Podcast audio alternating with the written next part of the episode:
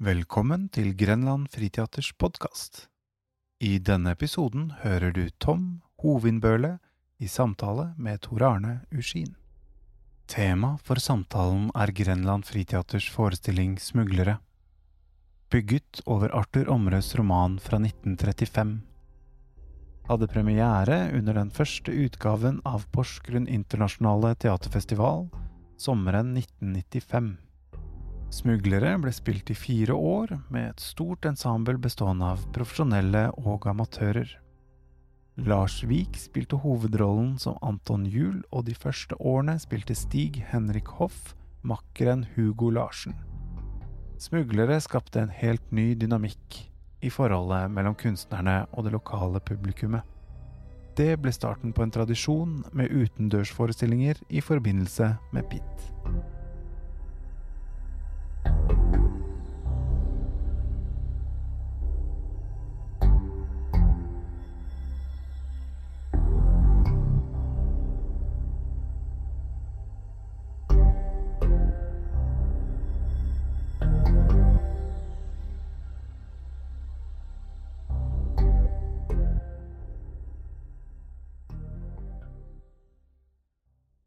Da dere hadde premiere på Smuglere i 95, til den første teaterfestivalen, så bodde jeg i Trondheim, studerte litteratur og leste Pinter og Brecht og Shakespeare, så jeg fikk ikke med den forestillingen. Og jeg så ikke den før dere satte den opp igjen, i uh, 2015, var det det? Til 20-årsjubileet til teaterfestivalen. Og da hadde jo dere allerede laget en etterfølger et par år tidligere. Men hvis jeg Hvis vi begynner med en påstand uh, Og jeg vet kanskje du er litt uenig, fordi du, ser det fra innsida, men for meg som ser det fra utsida, uh, om at Smuglere er kanskje den viktigste forestillingen dere har satt opp, fordi den var et nybrottsarbeid uh, formmessig og, og, teatermessig, den Dere løste en del problemstillinger både med logistikk og med tekniske, det tekniske apparatet, men også fordi det, det, er en forestilling som har skapt en utrolig kontakt og en, utrolig entusiasme i publikum i Porsgrunn, som har vedvart nå i, ja, i 25 år. Er du enig i den påstanden? ja, eh, det er jo ikke vanskelig å være enig i at smugle i hvert fall er det, det store vendepunktet i, i, eh, det som vi har gjort. Og du var jo inne på noe av grunnen. Det at plutselig så kom eh, det vi hadde egentlig holdt på med en god stund, ut til et mye større, større publikum. Og det igjen starta en prosess som, som førte med seg veldig mye som, som, ble forskjellig etter hvert. Så mm. ikke noe problem å si at det ja, kanskje på mange måter har vært den viktigste forestillingen. Men så er det klart, sånn fra innsida så har man jo andre tanker i tillegg. Men, ja, selvfølgelig. Ja. Mm. Derfor dere, dere, hadde jo kjempesuksess med, med forestillingen som sjakk og ludo. Ja, ja, ja. Som også var en utrolig publikumssuksess i mange år. Ja, nei, men Sjakk og Ludo var en, var en veldig viktig forestilling, det også. Og, og, og da var det sånn, for meg personlig så var det faktisk den første forestillinga som jeg regisserte som sånn autør, for å si det sånn. Hvor det ikke det fantes noe manus, noe forelegg, noe tekst eller Så det var en ny måte å, å lage teater på. Og jeg har også tenkt på det at uh, ofte når man er instruktør i en forestilling, så er et tema man er interessert i. Det er en prosess sammen med skuespillerne man er interessert i, osv. Men med sjakk og ludo så var det faktisk sånn at jeg satte meg i publikum sammen med ungene. Og det å sitte i publikum sammen med publikum og se det fra publikums synsvinkel, og ikke fra hva man som kunstner er interessert i, det gir et helt annet blikk på hva det er man skal gjøre. med, med, med, sjakk og ludo så var jo det faktisk ganske ekstremt, fordi at eh, ikke nok med at man Da sitter jo ikke publikum stille. De ungene som var og så på, de, hvis det var bra det som skjedde på scenen, så reiste de seg og ropte og skreik og, og ja, var nærmest i ferd med å innta scenen. Så det var veldig, var veldig greit å følge med på eh, når publikum var med eller ikke. Det ga de klart uttrykk for. Ja, vi er jo ganske reserverte, vi voksne. Men jeg har jo lagt merke til at på andre forestillinger også, så sitter du alltid med publikum og ser forestillingene. Mm -hmm. uh, og alle forestillingene jeg har vært der, så har du vært til stede. Det er ikke sånn at du bare ser premieren, og så forsvinner du. Du er til stede på alle forestillingene og ser forestillingene sammen med publikum. Er det en viktig del av prosessen din sånn? Ja, nei, altså, For det første så tror jeg at det har vært den kulturen som vi har vært vokst opp med, som eh, blant uh, frie sceniske grupper, som det heter. Uh, så det der, der uh, som vi har hva skal si, hørt om at det er som på institusjonsteater, at etter premieren så reiser instruktøren sin vei. Og ja, så er det mange historier i forhold til det. Da, oh, gudskjelov, da kan Jenny slappe av, da kan jeg gjøre noe annet, og da kan forestillingen få vokse. Så jeg skal ikke si at det er feil, den prosessen også, men vi har alltid hatt det sånn at instruktørene er med på, så langt det er mulig, da, på alle forestillingene. Og det er jo mange forestillinger som øh, vokser veldig, øh, og forandrer seg veldig på at instruktøren er med hele veien. Mm. Mm. Men akkurat med smuglere så var det vel eh, mer sånn at du måtte være der og se at herregud, går det i dag òg? Starter den bilen? eh, Husker de folka komme da? Kommer båten? eh, Hva, hva kommer dette til å kommer vi, kommer vi til å komme til slutten i det hele tatt? Eller regner det hele bort? Eller, altså, ja, det er mange usikkerhetsfaktorer. Ja. Men med så stort ensemble så må, som vi hadde på Smuglere, for første gang massevis av mennesker og massevis av leamikk og teknikere backstage og sånn, så, eh, så var det jo veldig mye mer planlegging som måtte til. Det var Ja. veldig mye mer som måtte være planlagt før eh, Ikke det at det alltid var det, da, det er jo en annen sak, men det burde i hvert fall ha vært det. Ja, for når man leser om det, så, så virker det som et utrolig ambisiøst eksperiment, hele forestillingen. Eh, med, med tanke på at dere Dere hadde aldri jobbet i så stort format før.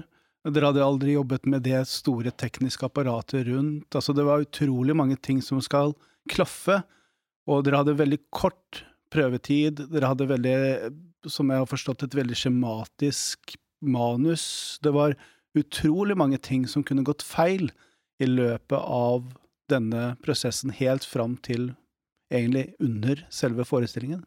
Ja, altså, vi hadde jo ikke noe manus. Vi, vi hadde et synopsis på halvannen side, og så, og så skrev vi vel ut noen tekster som skuespillerne hadde på lapper i lomma, sånn da vi kom til premieren. Ja. Så, men det er helt riktig det som du sier. Men det, det er jo sånn med, med mange prosjekter at uh, man har jo lyst til å få til veldig mye, og etter hvert som man kommer inn, så eh, få til enda mer, og så vokser prosjektene underveis. Uh, og så det, det, det er jo for så vidt vanlig, men, men, men formatet var veldig stort her. Det er, det er, det er, er helt riktig. Mm. Ja. Men det er en lang forhistorie som leder opp til smuglere, Mm. som begynner allerede på begynnelsen av 80-tallet. Eh, der det delvis er at du på en måte formulerer noen tanker om dine ambisjoner overfor Eugenio Barba, Mm. men også at dere som Grenland Friteater drar til Spania og Italia og gjør en forestilling som heter Thriller, som Mm. ingen i Porsgrunn, eller kanskje i Norge, har sett. Mm. Fortell mer om den forestillingen der, og hvordan den fungerte som en inspirasjon til eh, smuglere. Ja, det kan jeg gjøre. Men eh, kanskje først si at eh, det er jo sånn med Altså, med smuglere så var det på en måte som om vi kom hjem, eh, på en merkelig måte. Men, eh, men uten å være sånn heimføinger, for da kom vi hjem med en veldig stor bagasje utafra. på samme måte som Arthur Omre, som hadde skrevet eh, romanen 'Smuglere', eh, som ble gitt ut i 1935, også kom hjem med ting. ikke sant? Du må ut og, og få med deg en bagasje. Og det der, der med å mm, reise på festivaler i Sør-Europa og se hvordan, man gjør, hvordan mange gjorde utendørsteater det, Bare å se det, det, det var jo viktig nok. Men um, vi reiste jo egentlig rundt med, med, disse, med en forestilling som handla om amerikanske kriminalromaner. Hardkokte kriminalromaner basert på tekster av Dashiell Hammett og Raymond Chandler. Um, og så, eh, i 1982, så hadde vi vært på lang turné i Italia. Og på slutten så kom vi til en liten festival i en eh, landsby, eller en liten by nord i Veneto, som heter Vittorio Veneto. Og da var det en festival, og så spurte lederen for festivalen ja, kan ikke alle gruppene som nå har vært med på på avslutningen av festivalen, var lage noe på piazzaen eh, siste kvelden? Og eh, da, hva skulle vi gjøre da? Vi hadde jo ikke noen ting som uh, egna seg for utendørsteater og store evenementer, men på den piazzaen så var det et svært un palazzo, eh, en stor, fin bygning som var tom, uh, som vi kunne bruke. Og så lagde vi en forestilling for en fasade, hvor handlinga uh, foregikk inne i eh, bygningen, uh, og så sto publikum utafor og så på.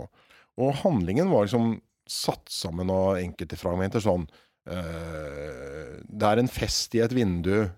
Eh, plutselig stopper musikken, du hører et skudd, et skrik, så går lyset. Så kommer det et menneskene løpende ut. Så kommer det noen andre gående over, eh, over plassen og inn i huset. Så detter noen ut av et vindu. Altså, vi satte sammen sånne, sånne mm, handlinger, da. Og etter hvert så utvikla vi det konseptet, sånn at vi kunne reise på festivaler og så lage et slags lite kurs. Og ha med oss 20-25 amatører.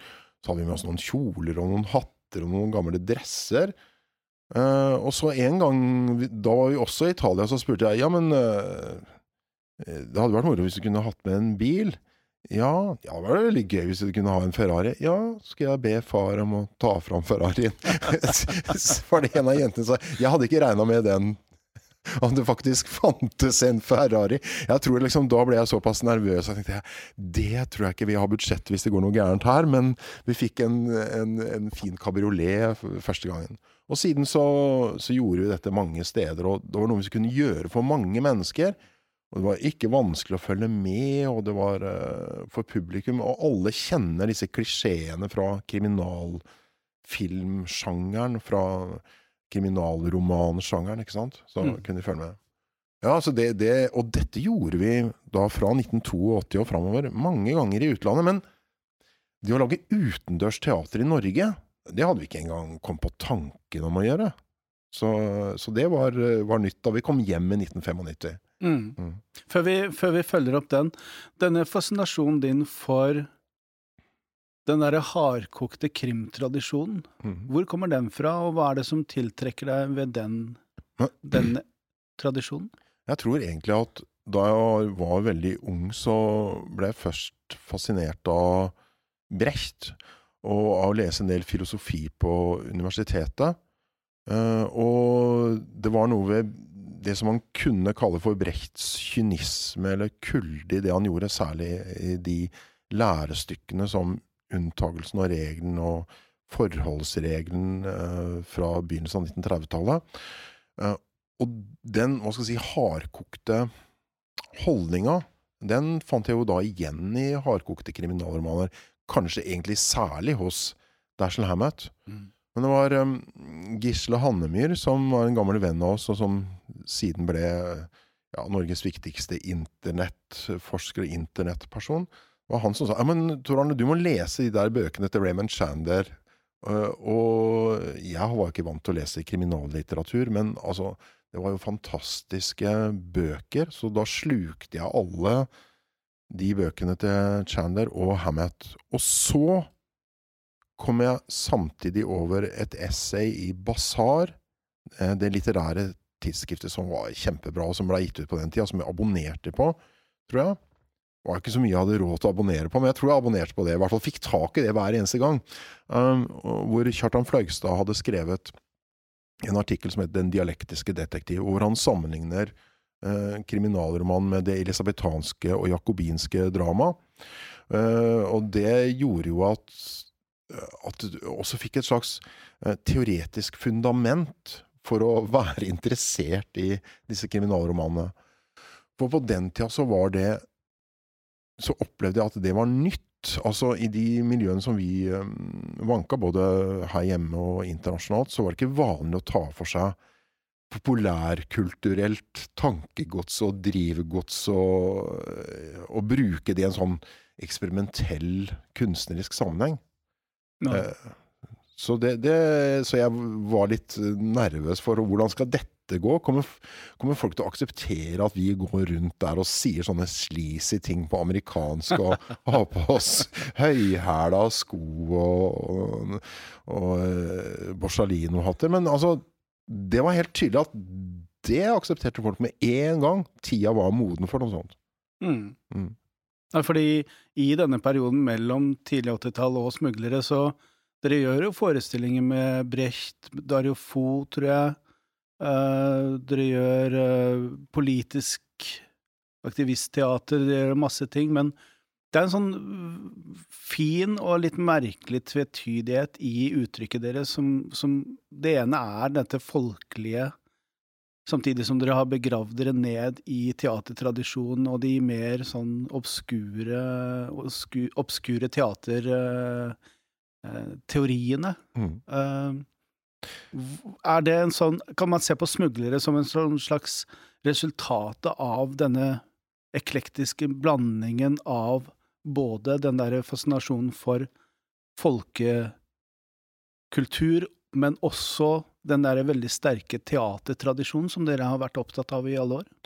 Ja, og i tillegg så tror jeg at det at vi, at vi alltid har vært en gruppe med flere sterke eh, personligheter som faktisk har ganske ulik innstilling til mange ting, eh, det har vært veldig viktig fordi eh, jeg var alltid veldig opptatt av fag, og jeg var liksom ikke noe interessert i om det kom fem eller 50 mennesker på en forestilling i utgangspunktet.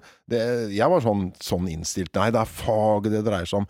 Vi må ut i verden, vi må finne det nyeste nye. Det der, det der var fra i fjor, da er det ikke interessant. Nå må vi finne noe som ikke er gjort før, ikke sant.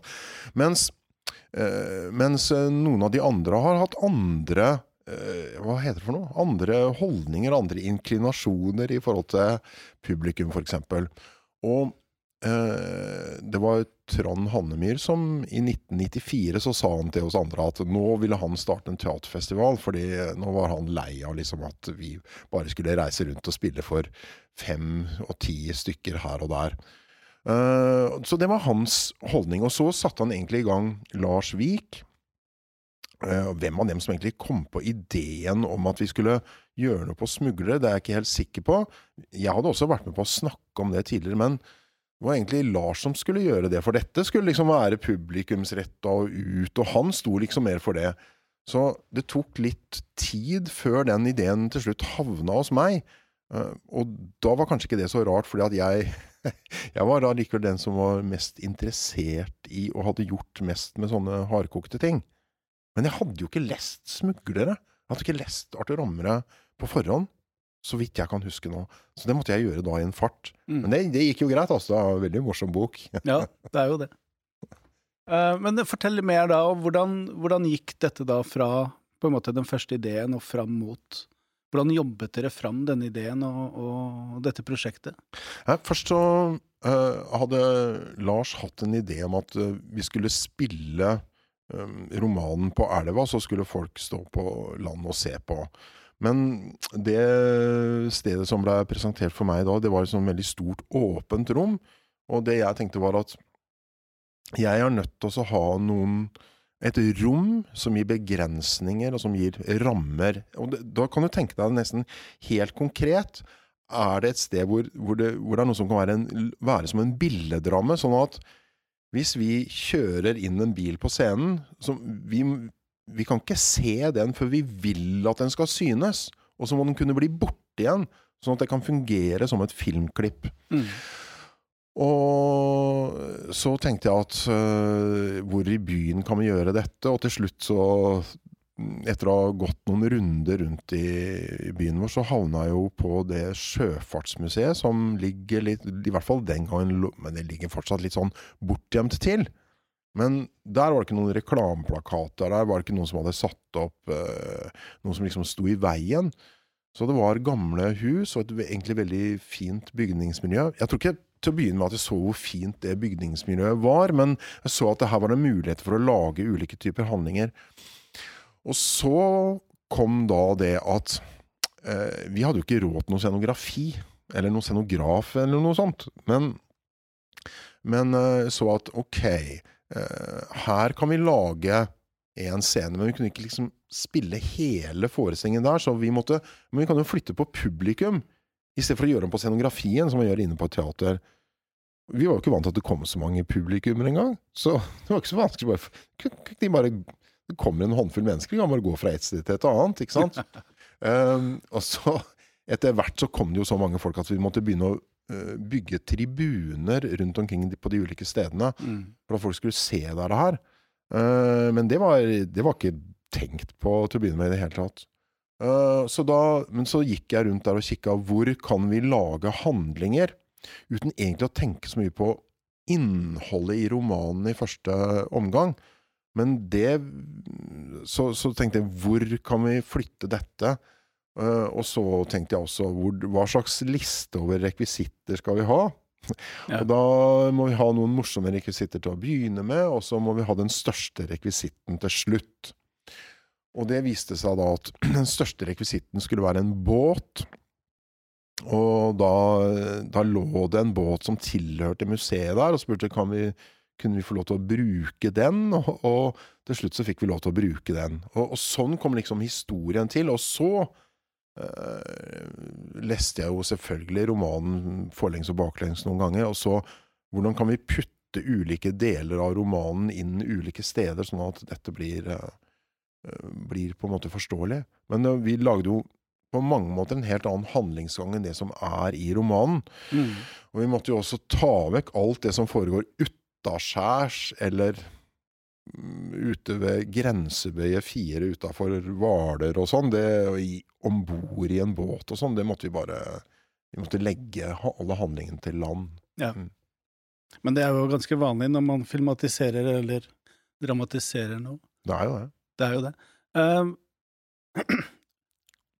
en ting er jo, er jo uh, location, men uh, det er jo en utrolig visuell forestilling, og det har jo med settingen å gjøre, selvfølgelig, men det har også med kostymer, musikken og ikke minst lyset å gjøre.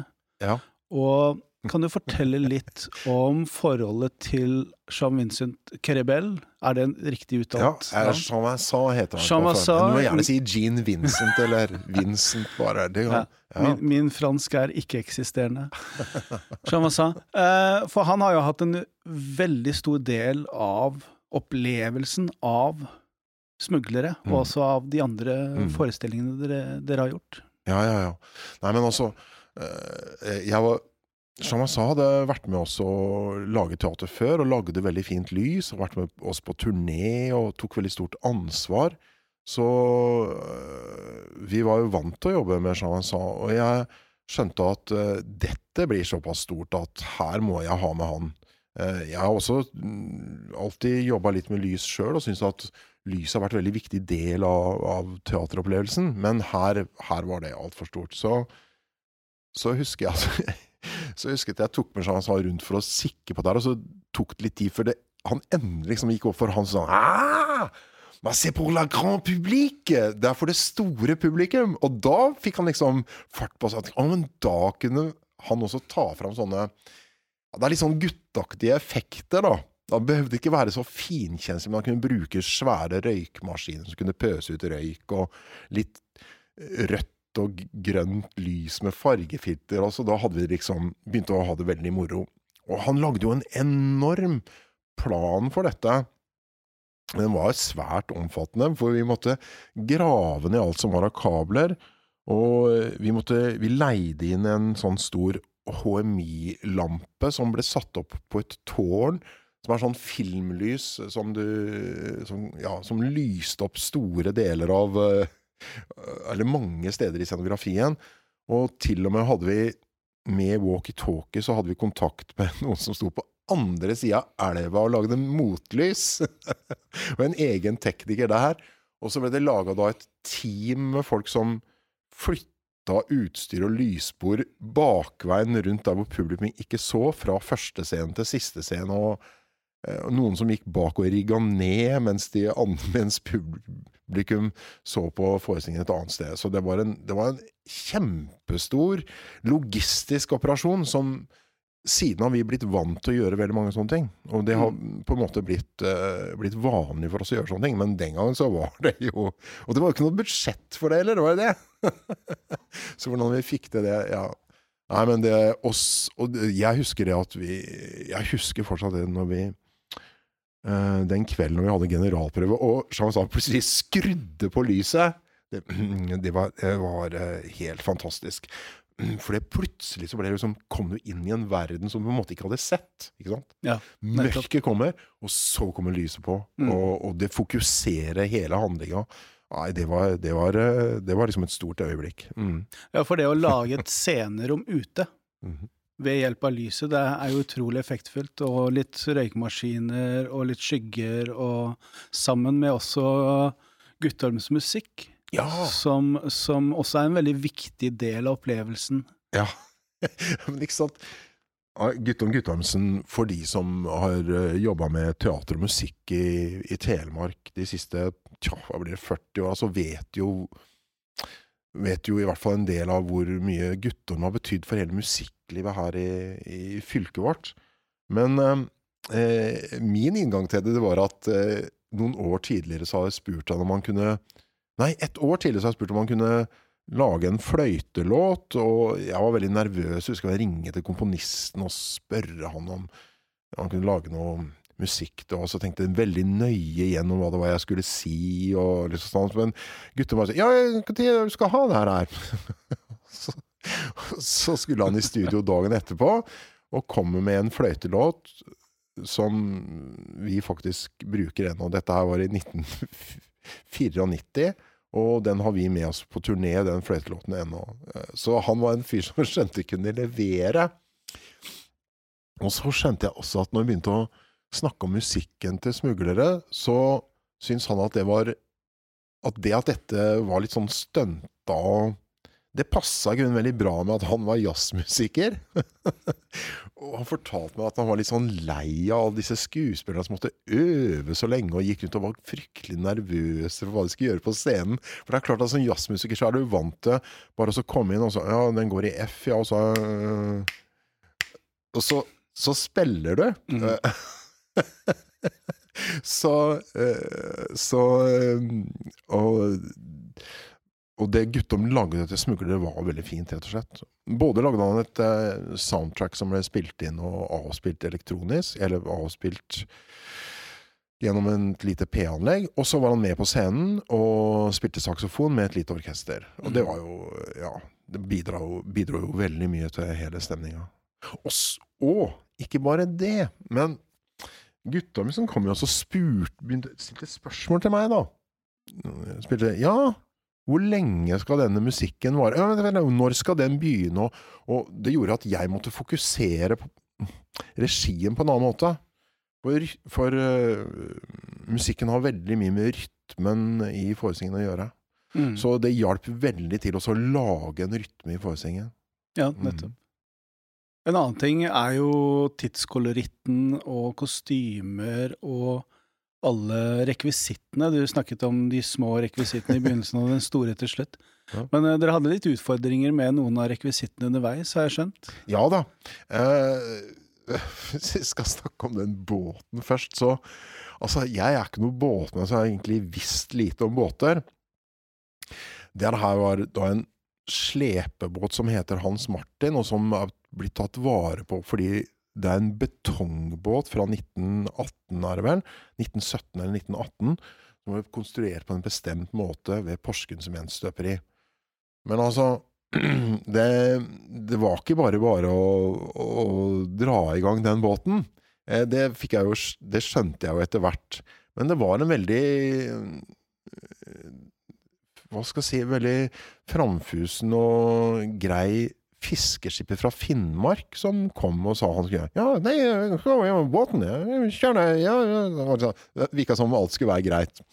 Eh, det viste seg at eh, vi måtte jo ha inn noen eh, mekanikere fra et lite verksted her nede. og da husker jeg tenkte det at når jeg kom ned der og de holdt på å mekke på den motoren, så tenkte jeg at liksom jo større motoren er, jo verre banner folk. For det var virkelig Det var virkelig en aria hvordan de forbanna den motoren, og hvordan de hele tatt skulle få Men den fikk noe start på den, da.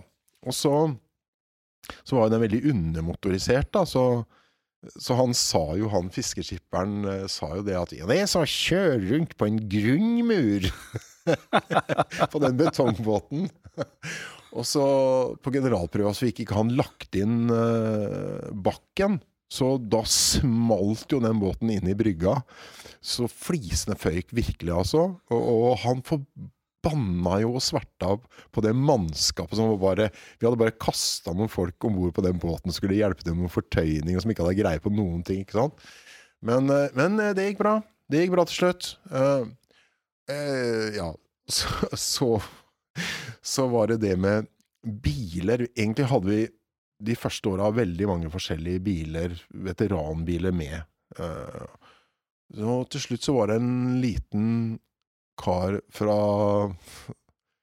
fra, fra Skien som eh, het Frank Fredriksen. Og han har vært en veldig sentralt medlem av veteranbilklubben i Grenland i alle år. Han var formann i mange år. Dette visste ikke jeg da.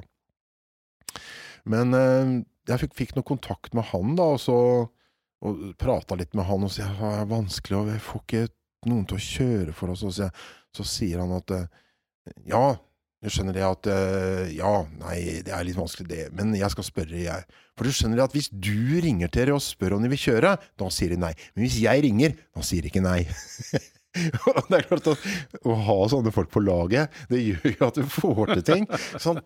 Og, øh, øh, men så var det én bil som var litt spesiell, for det var en liten lastebil som vi trengte. og det var eh, Dag Holmer, som da var eh, informasjonssjef på Hydro på Herøya. Han disponerte den bilen for Det var svogeren hans som eide den bilen. Eh, fordi denne bilen hadde egentlig vært utgangspunkt for et stort spedisjonsfirma som hadde vært her i fjorden i mange år. Ok, Men den fikk vi låne å kjøre sjøl. Uh, og så er jo historia den da at en kveld så stopper den bilen klokka uh, Ja, klokka halv el ti-halv elleve om kvelden så stopper den, så fikk vi ikke rikka på den.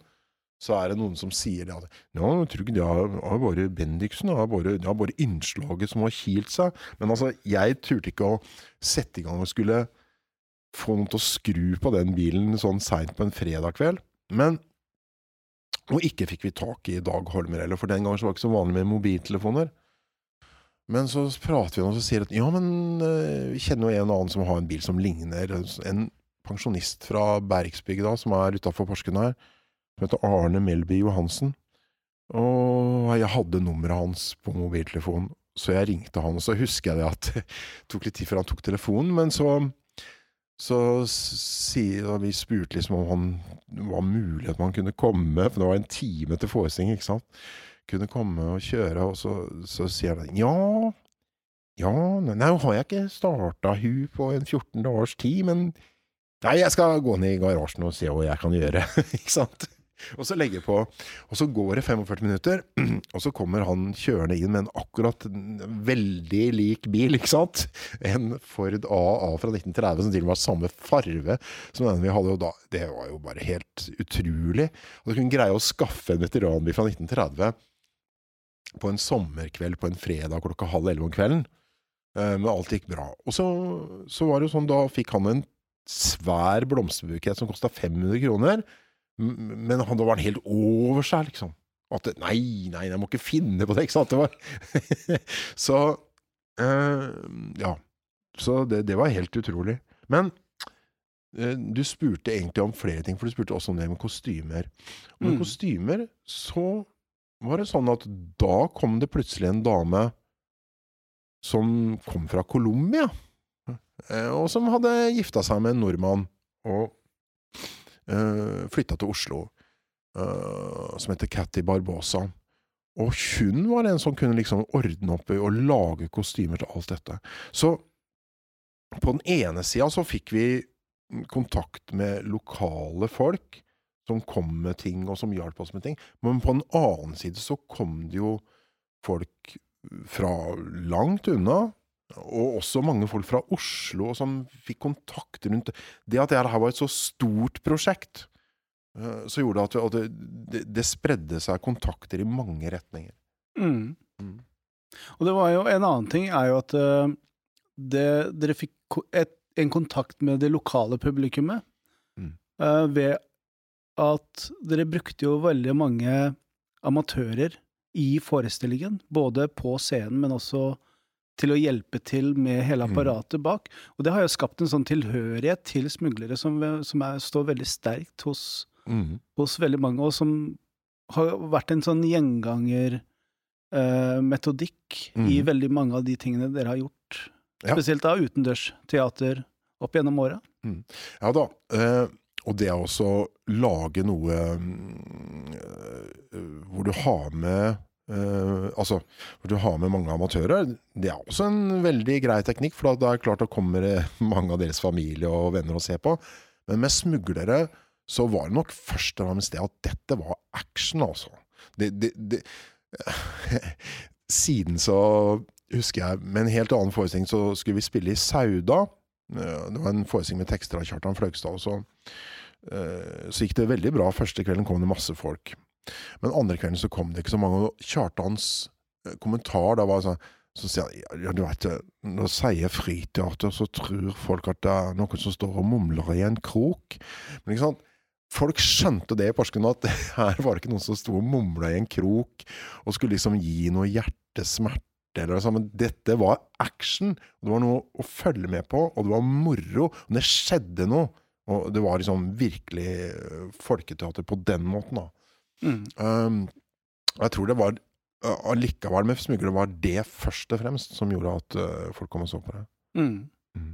Også litt, vil jeg tro, fordi Arthur Omre tross alt bodde jo i Porsgrunn. Ja. Så du hadde en tilknytning til stoffet òg. Ja, ja, Men husker du nå hvordan du jobbet fram disse forskjellige scenebildene, disse handlingsbildene, på de forskjellige stedene på, på Sjøfartsmuseet, i forhold til handlingen? ja egentlig jobba vi mest med den første scenen.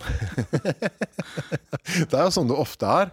Uh, var ikke helt sikker på hvordan jeg skulle løse resten. Men, men uh, den første scenen var kanskje en av de mest kompliserte.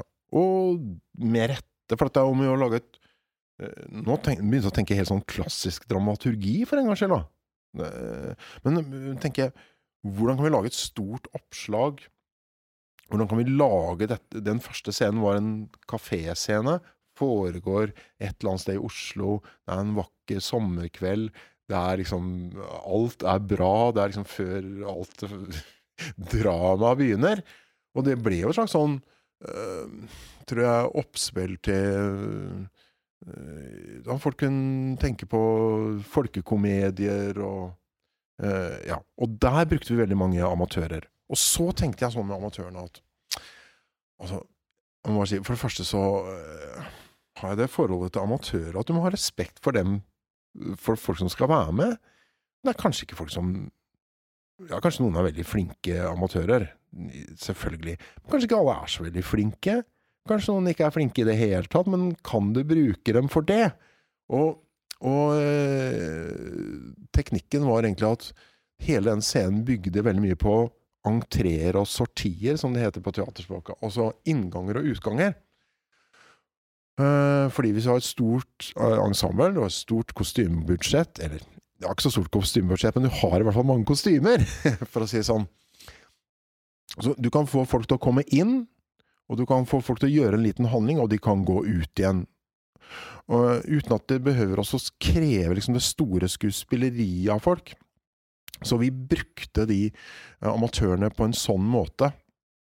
Eh, få mange folk til å komme inn, få lage mange entreer og sortier, bygge opp handlinga rundt det. Uh, og sånn enkle ting som folk kan være med på å gjøre, hvor de kan føle seg fri, uh, også i det susjettet som du lager. Så blir det moro. så blir det bra. Og ikke stå der og jævles med amatører og så si «Ja, 'du er ikke bra nok det du gjør', og 'det kommer ikke fra ditt indre', og du må liksom Nei, det, det sånn kan jeg ikke holde på. Nei, for det, du, du, det er jo et veldig spenn her. Du har jo Det var jo Lars Vik som hadde hovedrollen, Mm. og han har du jobbet med da i mange år, og kjenner ut og inn. Og så har du eh, Stig Henrik Hoff eh, var jo eh, en av hovedrollene, eh, som var da en frilanser, og som seinere har uh, hatt stor suksess som skuespiller. Og ned til da Oi.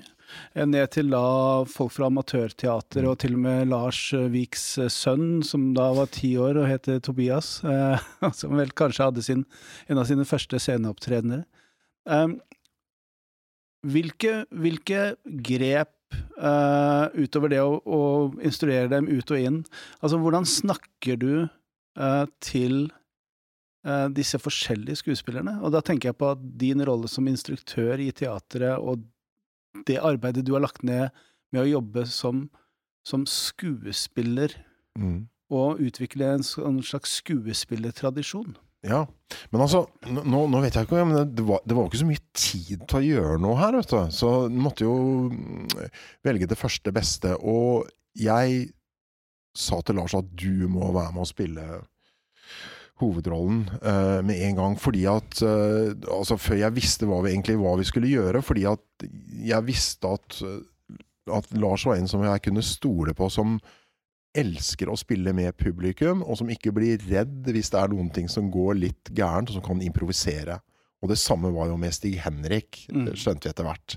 Så vi måtte ha to sånne frontfigurer som kunne stå der og prate litt, eller finne på, eller gjøre et eller annet hvis noe teknisk gikk gærent, og vi måtte vente et par minutter. Som ikke fikk nerver av, av det. Så det var veldig viktig. Men ellers så eh, Altså, det, det, å få lov til å jobbe med et sånt stort ensemble, det er jo en stor luksus som regissør òg. Fordi det som du kan gjøre da, er at hvis, eh, hvis du har laga en scene, så blir det ganske bra. Det blir fint, og i grunnen i, i grunnen så kan du ikke forvente noe mer av skuespilleren der, men det er bare ikke Det er ikke helt nok. Det er ikke nok for, for tilskueren. Men hvis du da er et stort ensemble, da kan vi ha med én til. Da kan det komme en til på sykkel inn der. Og da kan du greie å dirigere eh, tilskuerens oppmerksomhet sånn at du distraherer litt. Sånn at hvis den dansescenen som er med ti mennesker der, det er fint. De var i grunnen ganske flinke.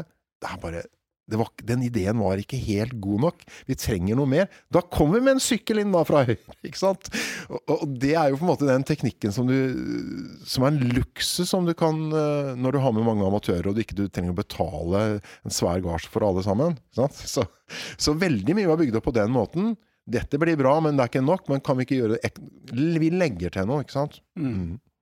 Og når du da blir vant til at det faktisk kan gjøre sånn, så får du en trygghet i å kunne jobbe med amatører og ikke nødvendig Altså la dem få lov å hygge seg og vokse på det de faktisk gjør. Mm. Ja. Og så gi de største oppgavene til noen andre. Men eh, den gangen, i 1995, ja, så hadde vi jo ikke eh, mygger, som det heter. Altså sånn trådløse mikrofoner. Eh, og det var jo for så vidt et problem. Uh, for det var vanskelig for folk å høre. Hvordan få fram, uh, hvordan få fram det lille som var av tekst. Men da var det jo viktig da også å begrense seg med hvor mye er det egentlig vi trenger å bruke av tekst, og hvor mye kan vi gjøre på andre måter. Så det ble lite tekst. Eh, bare det aller nødvendigste. Og så, om ikke de kom så langt som idealene med Sergio Leones filmer og, og sånn, så var jo det i tanken allikevel. Her er det handlinga som skal fortelle. Mm. Uh, og så var det å plassere skuespillerne ut sånn at det ble naturlig å rope. Sånn at du plasserte en skuespiller oppi et vindu eller oppe et eller annet sted, og så den andre helt ned i andre hjørnet av, uh, av scenen. Sånn, Hei! Så du måtte rope sånn! Og så kan du kanskje si det som var viktig å si, men det må liksom være Ja, med høy stemme. Men at det var naturlig å gjøre det sånn.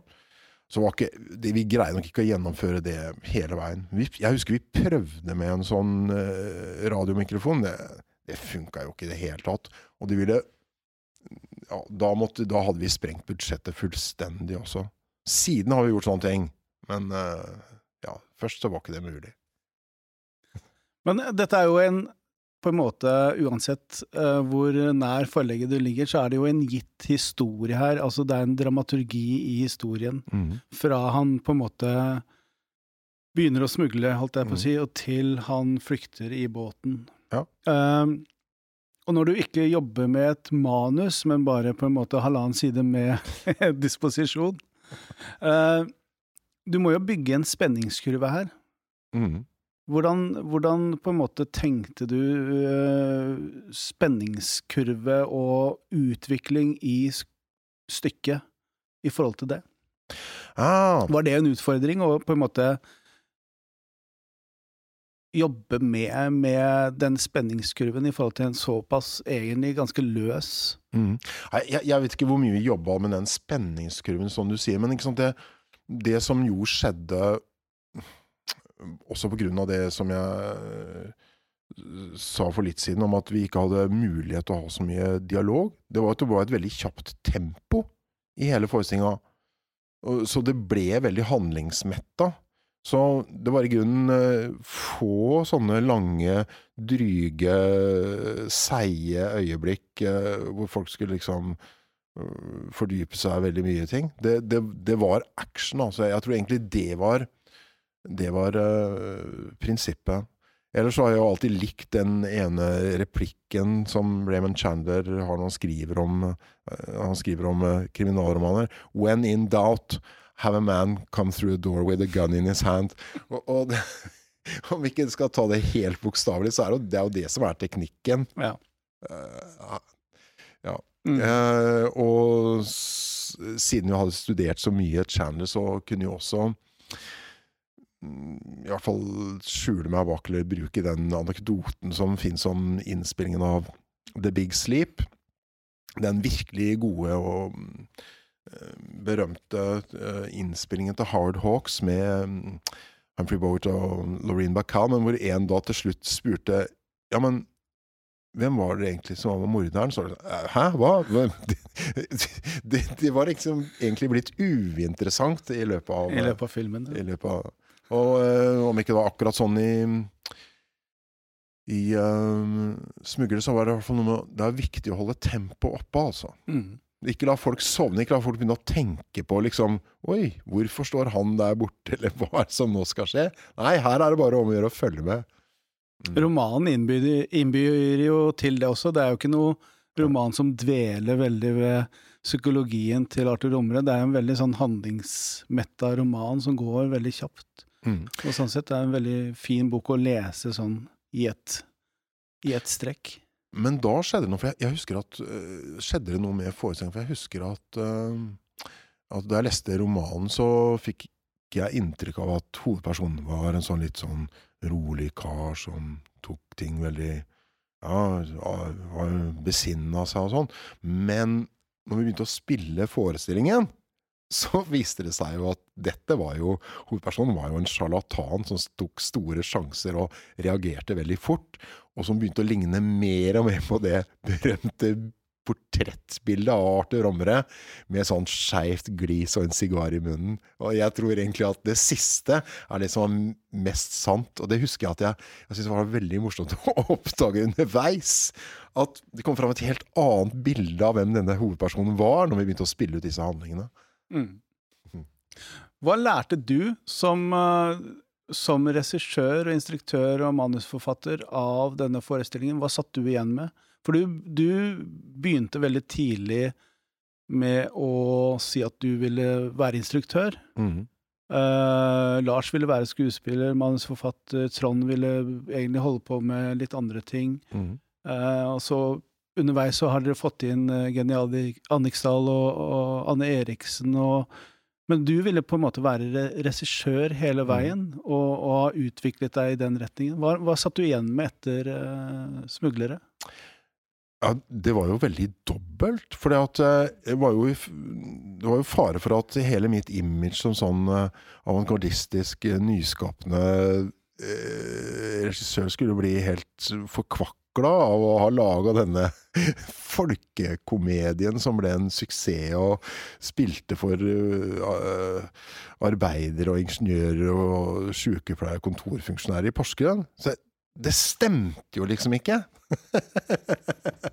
men, men, jeg må si det, det, det, Noe av det fineste med å være kunstner og drive med kunst, det er det at uh, Ja, man, man setter ut man, man, legger fra land og setter en kurs, men man ender ofte opp et helt annet sted man hadde trodd. Og så får man bare akseptere det. Eh, det tok litt tid å akseptere det, hva konsekvensene skulle være med smuglere. Um, men um, etter hvert så skjønte jeg at her har vi fått et nytt publikum, og vi kan faktisk bruke det publikum, kan bruke den, de teknikkene som vi nå har lært oss mer av, og til å gjøre helt andre ting og ta opp temaer som kanskje er mer eh, ja, alvorlige også enn det smuglere gjorde. Så det var egentlig den viktigste, eh, viktigste lærdommen. Mm. Men fikk du noen reaksjoner fra det på en måte det andre friteatermiljøet, det uetablerte miljøet? Var det noe sånn Nei. Negative jeg... tilbakemeldinger om at Nei, det hadde solgt dere ut og Nei da, jeg tror egentlig bare det var min egen uh, angst. Jeg, ikke, jeg har aldri hørt noe om det, i hvert fall. Uh, jeg var jo veldig nervøs da eh, mine lærere som Torgeir Vettdal fra Odin-teatret og Ingmar Lind kom og skulle se på det her, men de syntes jo bare det var kjempemoro! så alle aksepterte det. Og mm, da Zygmunt Mollik, en av hovedskuespillerne til Grotowski Polsk skuespiller, en eldre kar, han kom hit og holdt kurs samtidig flere år på rad, og han var også veldig begeistra for forestillinga. Og det tok jeg jo liksom som en sånn ja, krøss i taket. Sigmund Mollik syntes at dette var veldig fint. Mm. Men jeg vet at dere fikk én kritikk og den er litt morsom fordi uh, det var visstnok uh, et, uh, et lite innspill i avisen der noen hadde kommentert at disse, disse metallbøttene som dere brukte som smuglerne hadde med, de var ikke helt riktig representert i forestillingen. Nei, det stemmer. Um, vi hadde bestilt øh, sånne femlitersdunker, sånn som man bruker til ja, maling og olivenolje på butikken og, og, sånn. De var umalt og blanke og skulle komme fra utlandet, men så var det streik. Eh, en eller annen øh, stuerstreik på Fornebu eller et eller annet. Så i hvert fall De kom ikke. Vi var helt avhengig av det. Til slutt så hadde en av disse folka som var ansvarlig for å skulle levere det, kjørt ut på Fornebu og henta de og satt de på en lastebil, sånn at vi fikk de. Men da, vi rakk ikke å male dem. Vi visste at de skulle være svarte, men vi rakk ikke å male dem, så de var helt blanke. Og da var det en som hadde ringt inn til avisa og sagt det, det vi har bare sagt at, at de kannene vi hadde den gangen, de, de, de var ikke blanke. For det, det hadde vært helt mye, mye lettere for tollerne hvis det lå og fløyt sånne blanke kanner i, i sjøen, så hadde dere sett det med en gang. Så ja, det, det vil de bare ha sagt. Men, men vet du, det var nå et, det, det nå eksempel på at folk kom med tilbakemeldinger. Men, men, siden så har vi jo gjort andre forestillinger hvor folk har kommet med si, viktigere tilbakemeldinger. Og, og nå syns jeg jo at jeg stadig har en sånn dialog med Eh, publikum og med folk her i Porsgrunn. Fordi, eh, fordi de historiene vi tar opp, ofte har sitt utspring her. Og med smuglere så var det jo en overgang. Det var jo vi som hadde vært interessert i amerikanske kriminalromaner. Vi hadde brukt en roman av Arthur Omre som for så vidt egentlig handla om et annet sted. Men det viste seg at det hadde jo en konkret tilknytning til Porsgrunn, og etter hvert så skjønte jeg at det også fantes et stoff eh, i nærmiljøet vårt rundt omkring. Så nå kan jeg jo gå ut på gata, og hvis jeg leiter etter noe, så kan jeg faktisk komme i altså kan spørre folk som bor i hus ved siden av, så har de en historie å fortelle. Som kanskje kan være interessant, kan være like interessant som at du tror når du er ung at å, jeg må reise, jeg må reise til andre enden av verden for å finne hva det er dette skal, min kunst skal handle om. Kanskje bare når du kommer hjem, og så ser du rett ved siden av deg, og så finnes historiene der. Et siste spørsmål før jeg tror vi avrunder.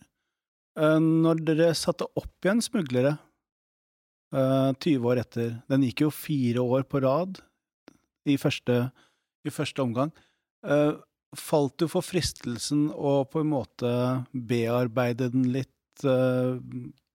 få den litt mer som du kanskje ville hatt den i dag, eller var det mer eller mindre den samme?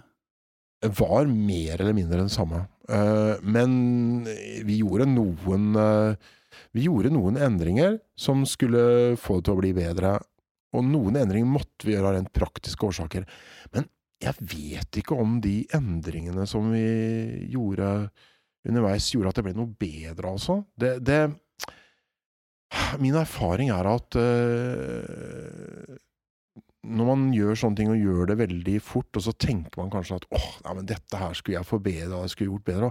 Men så er det nesten ikke mulig å forandre på, fordi tingene finner sin form veldig fort, altså. Og så får man heller bare si at ok, det blei sånn det blei, og så får jeg heller gå videre og ta opp noe annet neste gang. Men det har vi jo gjort også, da. Dere har jo det.